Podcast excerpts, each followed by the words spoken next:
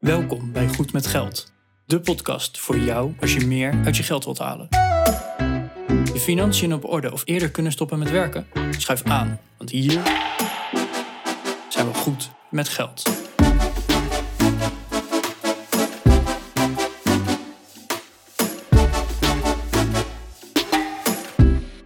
Aflevering 121 van de Goed met Geld podcast. Ik ben Bas. En ik ben Arjan. Als je voor jezelf werkt of als je een beetje bijverdient, dan moet je een prijs gaan bepalen van, van wat je waard bent van de diensten die je levert. En toen ik, eh, toen ik 15 was, had ik, een, eh, had ik een bijbaantje. Nou ja, een bijbaantje. Een side hustle. Ik, eh, ik hosselde wat bij. Misschien was ik zelfs al 13 of 14, weet ik niet eens. In ieder geval het begin van mijn middelbare schoolcarrière.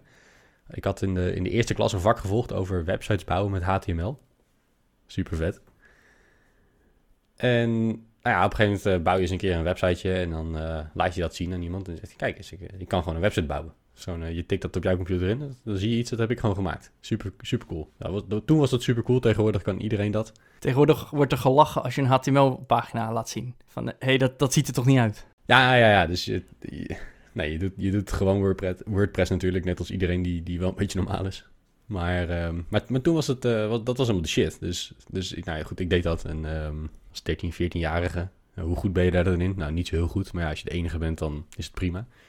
En uiteraard was ik niet de enige die een website kon bouwen. Ik, eh, ik bungelde waarschijnlijk ergens onderaan dat, dat rijtje. Maar er waren heel veel mensen die het niet konden. In, in die heel veel mensen zaten best wel een paar van die lokale ondernemers bij ons in het dorp. En via via kende je die en die kwamen erachter dat jij eens een websiteje kon bouwen. Dus die zeiden dan van, hey, wil je niet voor mij zo'n websiteje bouwen? Toen zei ik, ja, sure, why not? Ja, wat, wat wil je hebben dan? Toen zeiden ze, nou ja, een eh, ja, domeinnaam en mijn bedrijfsnaam. Bedrijfsnaam.nl. Nou, leuk. Dan eh, registreerde ik dat voor ze. En dan een, eh, een homepagina met een stukje tekst erop en een eh, contactpagina en een, weet ik veel, een over ons pagina of zoiets. Oké. Nou, dan- bouwde ik een website van drie pagina's. In, in een middagje tijd of zo, weet je. Dat ik gewoon achter mijn computertje thuis dat even te doen. De teksten werden aangeleverd waarschijnlijk, ook niet onbelangrijk. Ja, zeker. Dus zij, ga, zij, zij leverden gewoon... dus ik, ik, ik, ik klikte wat in elkaar. En dan leverden ze de tekst aan. En eh, ja, dat was het. Dus dat was gewoon een, dan een middagje werk. En dan vroegen ze van, wat, eh, hoe moet je ervoor hebben dan? Ik, ja, weet ik veel. eh 100 euro. Ah, dat is natuurlijk heel weinig voor een, eh, voor een website. Maar ik had er ook heel weinig werk aan. En als, als 13, 14-jarige verdien je meestal eh, 2,5 of 3 euro per uur in de supermarkt. Dus Ja, dat was niet veel inderdaad. Nee, dus ik denk dat ik uiteindelijk met die 100 euro in een paar uurtjes werk... dat ik op eh 25, 30 euro per uur zat of zo gemiddeld. Dat ging cash vaak, hè, want dat was dan de lokale timmerman die zat... eh, die ging natuurlijk niet een bonnetje... die wilde natuurlijk geen bonnetje van hebben. Dus, dus dat was wel makkelijk. Dat is wel, eh, wel een leuke manier van, eh, van wat bijverdienen. Ben ik daar nou rijk van geworden? Nee, absoluut niet, want ik deed dat niet, niet heel vaak. Misschien één keer in de, weet ik veel, één of twee keer per jaar of zo... dat er een keer wat langs kwam. Ja, en na een tijdje hebben al die kleine ondernemers hun eigen website, made by Bas. En dan, eh, dan hoeven ze ook geen nieuwe website natuurlijk meer. Nee, ja, inmiddels is geen enkele van die websites nog eh made bij Bas, want eh, ze hebben Ik, allemaal ik gewoon, hoop het eh, niet inderdaad. me- mensen ingeschakeld die het wel kunnen, zeg maar. Maar, ehm, maar dat was wel leuk. En dan ben je, ben je 13, 14 jaar en dan, dan heb je een soort side hustle. Ja, dat was, dat was mijn, mijn eerste beweging in het ondernemerschap, zeg maar. Ik had nog steeds mijn baantje bij de supermarkt ernaast, maar, ehm, maar dit was wel lucratiever, zeg maar. Ja, ik, ik had inderdaad ook een, een krantenwijk en een baantje in de supermarkt. En mijn krantenwijk verdiende al beter, want als ik een beetje, als ik wat harder liep, dan verdiende ik meer. En ik had dan, ja, zo simpel is het wel, want je krijgt gewoon per stuk betaald. Dus als je meer Oh, stuks in een uur wegtikt, Ja, ja, dat is dan, eh, nou, en dat was dan een folderwijkje en het kwam in plastic al binnen. Dat was toen net nieuw. En ik had nog van twee verschillende verspreiders had ik allebei een wijk en die overlapten elkaar nog eens. Dus dan Hmm. kon ik van twee verschillende verspreiders in één keer eh, twee pakketjes te- door de bus doen. Dus dat was al... Moest je thuis nog even sorteren, dat ze al meteen op de goede volgorde lagen, of niet? Tenminste, dat je, van, hè, dat je niet een pak van de ene en een pak van de ander had, maar dat ze al gewoon netjes om en om... eh, Nee, nee, ik, ik had zo'n karretje, dus ik pakte gewoon van twee... Sta ik had één stapeltje Oh, ja. op mijn arm en een eentje erbij steeds. Ja, ja, ja. Dus- en het Nou, was echt- slim. Mijn voordeur was het begin van de wijk, dus nou, chill. Maar op een gegeven moment, ik, ik kreeg ook mijn eerste side hustle. Ik studeerde informatica en ja, dat- dat- als je informatica doet, dan word je handig met computers. Dat zit er een beetje in, weet je wel. Dat, dan, hè, je doet een computeropleiding, dus je wordt er ook handig mee. En op een gegeven moment zei de buurvrouw van, joh, eh, ja, onze computer is traag en hij doet niet goed en, en noem maar op. Maar jij doet toch computers, kan je er anders eens even naar kijken? Dus ja, prima. Dus eh, ik, ik heb daar denk ik een uur of twee achter de computer gezeten om te fixen. Ja, wat moet je ervoor hebben? Nee joh, dat zit wel goed. Want ja, ik vond het gewoon leuk om te doen. Nou, dus kreeg ik toch wat geld in mijn handen gestoken. Op een gegeven moment dacht ik van, hé, hey, maar ik heb dus hun nu inderdaad geholpen. Ja, dat kan ik bij anderen ook doen. Dus, eh, en, en niet dat ik ermee te adverteren liep of zo, of, of dat ik heel groot riep van ik doe een computeropleiding, heb je een trage computer, ik kom wel even langs. Maar steeds vaker belden mensen mij van, hey, ik heb gehoord dat. En dus kwam ik bij steeds meer mensen over de vloer. En ja, dan moet je toch inderdaad wat gaan vragen. Dus toen, uh, nou, ik verdiende met mijn krantenwijk uh, ongeveer 5 euro per uur. En dan moest ik heel hard voor wandelen. En dat was best wel intensief en zwaar. En dat computeren vond ik alleen maar leuk. Hè? Dat, uh, gewoon, dat gaf een kick als dat ding weer snel was. Dus ik ben inderdaad begonnen met, ja, doe maar 5 euro per uur. Gewoon, dat, dat was een makkelijk tarief. Mhm. maar ja, toen, toen kwam ik dus op een gegeven moment wel van... Ja, we zijn nu anderhalf jaar verder. Ik ben anderhalf jaar slimmer. Want hè, ik heb nog anderhalf jaar meer computeropleiding gedaan. Ik heb nog meer ervaring. Ik, ik doe alleen maar van zulke klusjes. Ja. Ja, misschien moet ik wel meer gaan vragen. En daar gaat eigenlijk de, de hele aflevering natuurlijk over vandaag. Wat vraag jij nou voor je diensten? Nou, uiteindelijk ben ik dus in stapjes omhoog gegaan. Ik ben eerst naar 57 gegaan. Dus dat was 50% salarisverhoging voor mezelf. Nou, echt super chill. Hoe doe je het, hè? Maar ook, ook weer de vraag van wat, wat vinden mensen daar dan van? En ik heb gewoon geen feedback erop teruggekregen van, oh, dat is te duur, te veel. Het was gewoon, oké, prima. Waarschijnlijk was het te weinig. Ja, wa- waarschijnlijk wel. En uiteindelijk, ik, ik, ben, ik heb dit best wel lang volgehouden nog. Eigenlijk, ja, mijn hele studieperiode. En uiteindelijk eindigde ik op 12 euro per uur. Wat ik nog steeds heel prima vond. Het was heel gezellig. Ik kreeg er koffie, thee bij. Ik, eh, ik hoefde niet te stressen, te haasten. Want ja, het, eh, ik was de expert. Dus ze kunnen wel gaan zeggen van, hey, ben je nou wel eens klaar? Of het duurt lang, maar ja... eh, Mooi, man. Dan, dan blijft het half af en dan heb je niet wat je hebben wil. Nee. Dus Wel het, was een heel relaxed bijbaantje. Het verdiende best prima. Ja. Ja, en, en dat is dus eigenlijk ook een beetje de bron van deze aflevering. Wat, wat vraag jij nou voor je diensten? Want als jij een bijbaantje hebt, of een side hustle, hè, want het is eigenlijk een, waar we het over hebben zijn side hustles. Mhm. Wat vraag je dan? Wat ben je waard? En ik denk dat dat een van de moeilijkere dingen is, want Ja. ja, ik, ik weet ook niet wat iemand anders vraagt die computers fixt. Nee. Eh, jij wist dat ook niet van iemand anders die websites bouwt. Je vroeg maar wat. Ja. Eh, en het werd ervoor betaald. Dat is, dat is wel grappig, hè? Ik, ik, ik ben wat dat betreft wel een kapitalist in hart en nieren. Ik, ehm, qua, qua pricing heb ik altijd de, de, de overtuiging... het is gewoon een kwestie van vraag en aanbod. In andere woorden, wat de gek ervoor geeft. Alleen ja, wat de gek ervoor geeft, dat, dat is heel moeilijk te bepalen... als je maar een paar transacties hebt. Ja, je had niet eh, duizend klanten in een maand. Nee. En ik bouwde ook niet honderd websites in een, eh, in een jaar. Dus, Nee. dus ja, dat vraag en aanbod, dat komt natuurlijk op een gegeven moment tot stand. En eh, leveranciers proberen prijzen te verhogen en klanten proberen de prijzen te verlagen. En, en ergens daarin zit een optimum. En dat is, dat is de prijs die door de markt wordt bepaald. Dat, dat is hoe marktwerking natuurlijk gaat. Ja. Maar dat is heel moeilijk op het moment dat je maar heel weinig transacties hebt of geen referentiekader hebt. Dus, dus hoe bepaal je dan de prijs van je diensten? Nou, traditioneel gezien zijn prijzen van, van goederen en diensten altijd eh, opgebouwd als kostprijs plus marge. Eh, Denk maar aan een, eh, weet ik veel, een fabriek die, een, die tafels maakt voor, je, van die eettafels voor in je, voor in je Mhm. leefkeuken Ja, ja. of zo. Nou, dat, wat gaat er in een tafel? Heb je een tafelblad nodig en een stel poten. En nou, wat, wat klein materiaal, want die poten moeten bevestigd worden. En er zit nog wat, ehm, eh, wat arbeidsloon zit erin, want er is iemand die is bezig om die tafel in elkaar te zetten. Ja. Dus eh, er moeten spullen ingekocht worden, dat kost geld. Er moet iemand eh, dat ding in elkaar schroeven, dat kost geld. En dan moet er nog een, een vrachtwagentje gaan rijden om eh, de tafel bij jou thuis te bezorgen. Dus dat kost ook geld. En er moet ook nog een dak boven de tafel staan om hem in elkaar te zetten. Een fabriek. Ja, precies. Dus je hebt nog een pand. Eh, dus je hebt wat, wat overheadkosten inderdaad. Kosten die, die er nog bij komen, zoals inderdaad het, het, het pand met een loods of een fabriek of wat dan ook. Ja, en, en dat alles bij elkaar, dat, dat komt tot hun kostprijs. Dat is wat het kost om zo'n tafel te produceren en bij de klant te krijgen. En dan wil de, de leverancier wil er dan ook nog een beetje winst aan maken, hè, want anders, dan, eh, anders zou je het niet doen. Dus traditioneel gezien is eh, het altijd een kwestie van de kostprijs plus een marge doen. Alleen dat gaat niet altijd op natuurlijk. Want ja, eh, ja, had jij een kostprijs Arjan toen je, toen je computers aan het fixen was? Nee, zeker niet. Het was gewoon puur hobby. Ja. Het, het, het kostte me een uurtje. Ja, precies. En dat, dat gold natuurlijk ook als ik een website zat te bouwen. Vond ik ook gewoon leuk om te doen. En ja, wat ga je anders doen? Nou, je kan natuurlijk even, weet ik veel, andere dingen gaan doen. Maar er waren best wel dode momentjes en dan, eh, dan kon je dat even doen. Dus heb je echt een kostprijs? Nee. En dan, dan is het heel lastig om een prijs te bepalen. Dus ik, ik riep gewoon wat en dan dacht ik van ja, maar dat is wel een leuk bedrag. Dat is Ja. eh, achteraf veel te weinig, maar voor mijn gevoel op dat moment was het veel te veel. Want dat was misschien wel tien keer het uurtarief dat je dan in de supermarkt verdiende. Maar ja, het was ook wel leuk om te doen en die ondernemer was er blij mee. En weet je, op die manier help je, help je, help je elkaar dan een beetje. Maar ik, ik vond dat toen wel heel lastig. Inmiddels ben ik uh, ietsje ouder geworden en ietsje wijzer. En, en kijk ik wat meer naar de marktwerking. Ik, ik ben ondernemer, ik werk uh, nou, veelal, niet alles een uurtje, factuurtje wat ik doe, maar, maar een, een hoop wel. Ja, en mijn uurtarief, hoe, hoe bepaal ik dat? Hè? Als een klant aan mij vraagt van, joh, uh, wil je een keer een, wil je een klusje komen doen? Wil je wat shit oplossen hier of nou, whatever? Hoe bepaal ik dan het uurtarief dat ik vraag? Dat is best lastig toen ik voor mezelf begon. Toen, uh, ik, ik werkte al in hetzelfde vakgebied, in de consultancy. Dus ik had al een beetje een idee natuurlijk van de tarieven die door consultiebureaus werden gerekend. En ik van, nou, als freelancer moet je daar wat onder gaan zitten.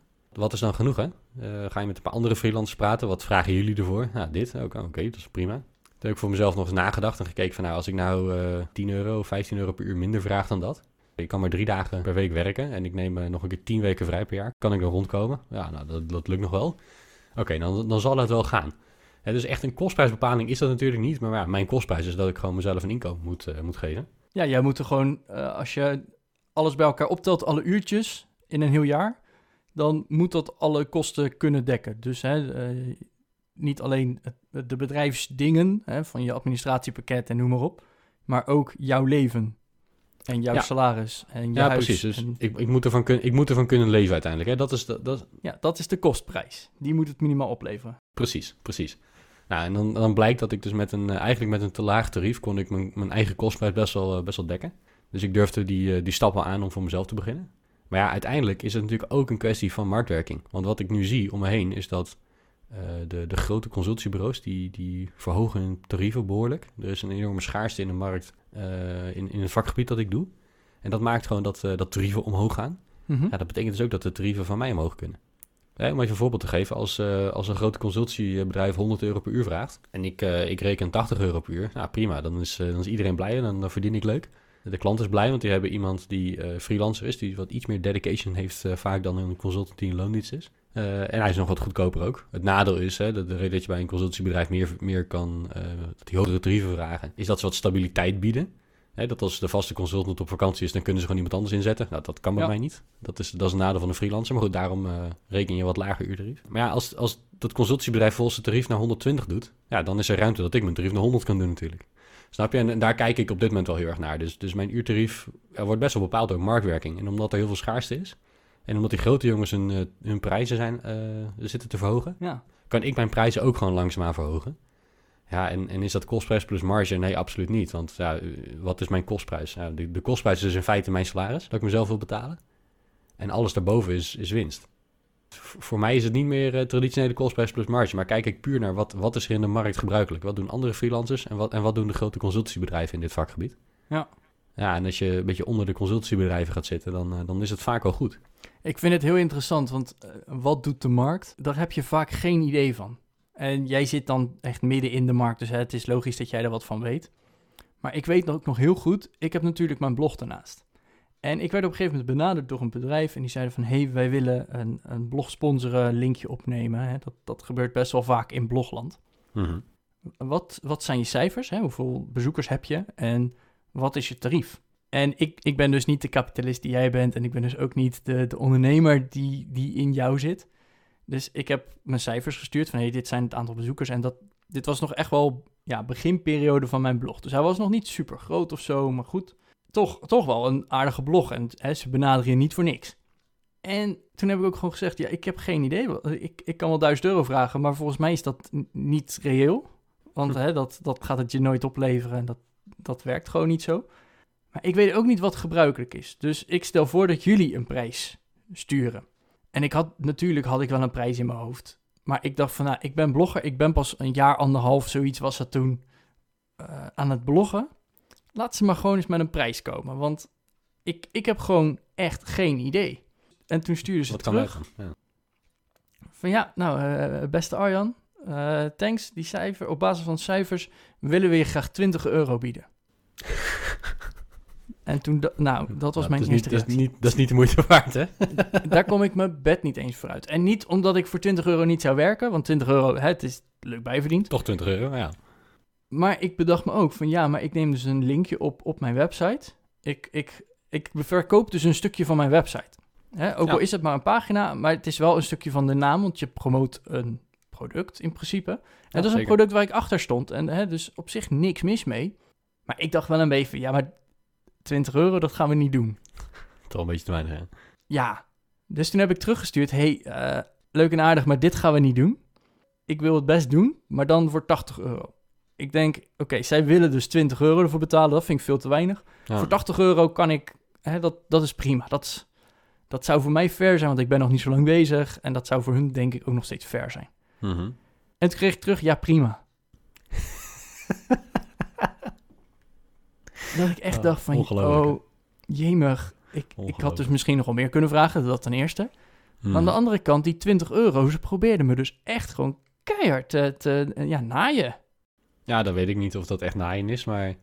Ja, Nou, ze je, eh, probeerden zich er heel goedkoop van af te maken, laat ik het dan zo zeggen. ja. Dat ik dacht van, ja, dit... Oké, zo werkt het dus. Dus Welkom ik in de commerciële wereld, ja. welkom in de commerciële... Ja, ik, had daar, ik heb er gewoon geen ervaring in. Op, Nee. of ik had daar op dat moment geen ervaring in. Dus ja, toen is een beetje de, de Arjan-methode ontstaan. Ik vind het mooi dat we het zo kunnen noemen, hè. Dus eh, de, de Arjan-methode. Leg hem eens Ja. uit. Nou, ik, eh, ik heb dus nu die blog toen eh, voor 80 euro verkocht. En daar was eigenlijk gewoon geen tegenspraak. Gewoon nul. Nou, Dus ik denk, ja, nou... dat ging makkelijk. Dus voor meer had het ook wel... Ik, durf al de discussie aan. Dat zag je met die 20 euro al. Van, nou, die, die, dat, die ging wel aan. Dus ik denk, nou oké, prima. De volgende keer vraag ik meer. Dus ik ben toen 100 euro gaan vragen. En nou, de, de volgende bedrijf, oké, ja, best. En toen ben ik 150 euro gaan vragen. En toen was het van, ja, maar dat vinden we eigenlijk te veel. Eh, kunnen we er tussenin gaan zitten? En toen dacht ik van, oké, ik heb dus nu ergens een, een grens bereikt.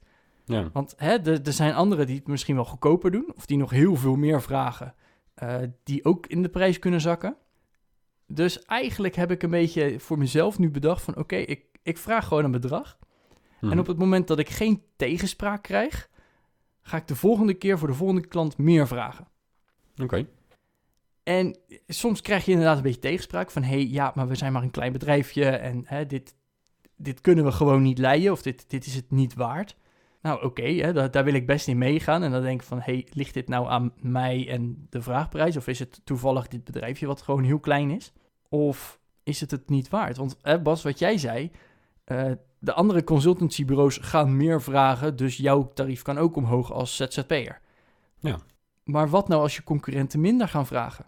En in blogland is dat echt super moeilijk, want eh, eh, iedereen kan een. hè, wat jij vroeger voor de kleine ondernemer deed, is tegenwoordig niet zo moeilijk meer. Nee, iedereen kan een website beginnen. Iedereen kan zijn, eigen, zijn of haar eigen blog beginnen. Ja. Ja, en als die wel akkoord gaan met 20 euro, waarom zouden ze dan bij mij 80 euro betalen? Ja, ik denk dat het natuurlijk met, met adverteren op blogs natuurlijk ook weer te maken heeft met het bereik. Dus, dus uiteindelijk gaat het niet om die 20 of 80 euro, maar waarschijnlijk om hoeveel euro per duizend bezoekers of zo, weet ik veel Ja. iets. Hè? Er, zal, er zal zo'n soort factor ja, in zitten. dat, dat zit er zeker in. Maar inderdaad, als die factor, die, die factor, die wil jij omhoog hebben en die wil de klant omlaag hebben. Hè, dus dus een, een blog met evenveel eh, bezoekers, ja, als die minder gaan vragen dan jij, ja, dan, dan ben jij te duur op een gegeven moment. Dat- maar ook dat is marktwerking. Ja. Alleen dat is wel lastig. Dus, dus de Arjan-methode is eigenlijk een best wel een goede manier, denk ik, om achter, eh, achter de optimale prijs te komen. Hè, want als ze meteen ja zeggen, dan ben je misschien te goedkoop. Als ze beginnen te pruttelen van, eh, oeh, eh, dat vinden we wel een beetje duur, kunnen we het niet eh, iets minder doen? Dan ben je blijkbaar iets te duur en dan kom je ergens uit waar, je, nou, waar de markt de prijs accepteert. Dat vind Ja. ik best een mooie methode. Ja. Ja, en dat is dus inderdaad wel heel fijn. Want bijvoorbeeld bij blogs, maar ook bij onze podcast. Wij weten gewoon niet wat onze, onze mede-podcasters en mede-bloggers voor iets vragen. Hè, dat, dat weet je in principe gewoon niet. En daar wordt ook niet heel, heel uitgebreid over gesproken. Behalve de hele grote blogs die gewoon zeggen, eh, dat is het tariefpunt. En dat, dat is wel eens lastig. Ik, ik hoorde pas ook weer op het, op het nieuws eh, dat bierbrouwers zoveel meer winstmarges maken bij de cafés die straks weer open gaan en noem maar op. Omdat de cafébazen ook niet weten welke deal ze met de brouwer hebben van elkaar. Ja. Dus een beetje openheid is ook gewoon heel lastig en kan dus ook negatief voor je werken. ja, dat, dat is altijd zo. Hè? Als je in onderhandeling bent, is de partij met, met meer informatie, die, ehm, die staat altijd sterker in zo'n onderhandeling. Ja. En in het geval van de bierbrouwer, die heeft heel veel informatie, want die doet zaken met duizend cafés. Ja. Dus die hebben, heel, die hebben een heel goed beeld bij wat, wat de ene en de ander betaalt. Maar de cafébaas zelf, ja, die doet maar met één iemand anders zaken. Die heeft helemaal geen informatie over wat de rest doet. En dat is heel lastig. En dan, dan zie je dus dat die gasten in het nadeel zijn en dat ze, dat ze daardoor best een beetje uitgeknepen worden. Of kunnen worden. Ja, en ja, daarom heb ik dus bij mijn, we het gewoon maar even mijn tariefbepalingsmethode noemen. Hm. Ook trek ik gewoon elke keer weer de stoute schoenen aan door elke keer gewoon net even wat meer te vragen. Ja. Eh, op het moment dat ik de vorige keer geen feedback erop heb gekregen. Hè, want het, het is dus niet zo dat ik standaard korting ga geven. Want hè, op het moment van, oh, die, die Arjan, als ik hem een mailtje stuur en ik roep gewoon dat het te hoog is, dan krijg je korting. Nee, zo werkt het niet. Hm. Het, het is eerder van, oké, dan laat ik het misschien wel voorbij gaan. Want Mhm. de vorige keer heb ik het wel betaald gekregen. Hè, Oh ja. het, is, het is wel het gevaar dat als, dat als dit bekend wordt, of als dit bekend is... eh, Ja, dat het- is het nu. dat, dat iedereen straks korting bij ons af gaat dingen. En dat, dat is het helemaal niet zo. Nee, maar kijk, uiteindelijk moet van, van beide kanten moet je een ja hebben natuurlijk. Hè? Dus op het moment dat, eh, Ja. stel eh, je vraagt 100 euro en die, die klant heeft door van, hé, hey, als ik mijn korting zeggen, krijg ik korting. En die zegt, nou, ik kan het ook voor 50. Ja, dan moet jij ook gewoon nee zeggen. Nee, dat klopt. Als jij het niet eerlijk vindt. Hè? En als je zegt van, nou, oké, je kan wel een beetje korting krijgen, want ik vind je een leuke klant. Eh laten we het voor 80 doen, hè? Dat, dat kan. Maar, maar jij moet als leverancier natuurlijk op een gegeven moment ook nee zeggen tegen een te lage prijs. Ja, nee, en dat, dat heb ik ook zeker al een aantal keer gedaan. En dat, Ja. kijk, als ik de vorige keer eh, wel 100 euro kon vragen... en nu komt er eentje van, ja, je krijgt er 50 euro voor. Ja, de vorige keer kreeg ik er 100 euro voor, dus je kan maar wat. Hè, dat, Ja. eh, zo simpel werkt het ook. En dan, dan pas je gewoon niet bij elkaar. En dan, dat is ook goed. Dat mag ook. Maar ja, dan, dan gebeurt er gewoon even niks. En als je dat te vaak moet zeggen, dan krijg je dus inderdaad wel van... hey, volgens mij is je tarief te hoog, want je hebt nu al zo lang geen inkomsten... dat daar klopt ook iets niet. Of hè, de afgelopen tien klanten zijn bij weggegaan omdat je te duur was. ja. Dus hè, dat heb ik gelukkig nog niet meegemaakt. Maar dat, dat ga je wel een keer bereiken als je elke keer maar je tarief omhoog knalt. Dan, eh, dan, dan krijg je dat. Ja, ja. Ik, ik heb het ook wel eens bij een klant omgedraaid. En dat, ehm, dat, dat kan niet altijd. Dat is in ieder geval in mijn vak, eh, mijn vak leent zich niet altijd om, om zo'n deal te maken. Maar ik heb het wel eens omgedraaid. Dat een klant zei van, je bent te duur. En dat ik zei van, ja, maar kijk eens wat ik jullie ga opleveren. Wat dit project aan, aan verspilling gaat voorkomen. Oeh, ja. Eigenlijk, eigenlijk ben ik te goedkoop. Hè, dat ik dan een veel hoger tarief vraag dan wat gangbaar is. Dat maakt helemaal niet meer uit. Want het betaalt zich, als je het niet doet, dan blijft het geld kosten.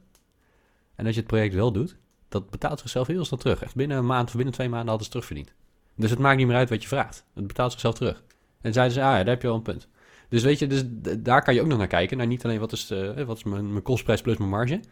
eh, of wat doet de rest van de markt. Maar je kan ook eens kijken naar wat, nou, wat ben ik waard. Als jij iemand 1000 euro kan opleveren en je vraagt 100 euro, terwijl het eigenlijk gebruikelijk is dat het eh 75 kost, ja, wat, wat maakt dat nou nog uit? Als het 1000 euro oplevert, dan wil ik daar graag 100 euro aan jou geven. Ook al is dat eigenlijk iets meer dan wat je normaal verdient. Ja. Boeiend. Het levert mij 900 op dan. Ik vind het een goede deal. Ja, of hè, wat, om, om terug te gaan naar het begin van deze aflevering. Die, web, die website kostte die ondernemers 100 euro. Ja, wat als ze de website niet hadden gehad? Hoeveel klanten hadden ze dan misschien wel misgelopen omdat ze geen website hadden? Ja, ja dat, dat weet je natuurlijk niet. Dat is heel moeilijk. Maar, maar, dat, maar dat is precies het idee inderdaad. Maar zo werkt het inderdaad wel. Dus dat. Ja. eh, hey, maar we hebben het nu alleen maar over, over die prijsbepaling gehad. Hè? Dus je kan inderdaad gewoon kijken wat, wat andere vragen. Hè? Wat doet de markt? Ja. Wat zijn bedrijven of mensen bereid om te betalen? Hè? Want dat is ook wel belangrijk.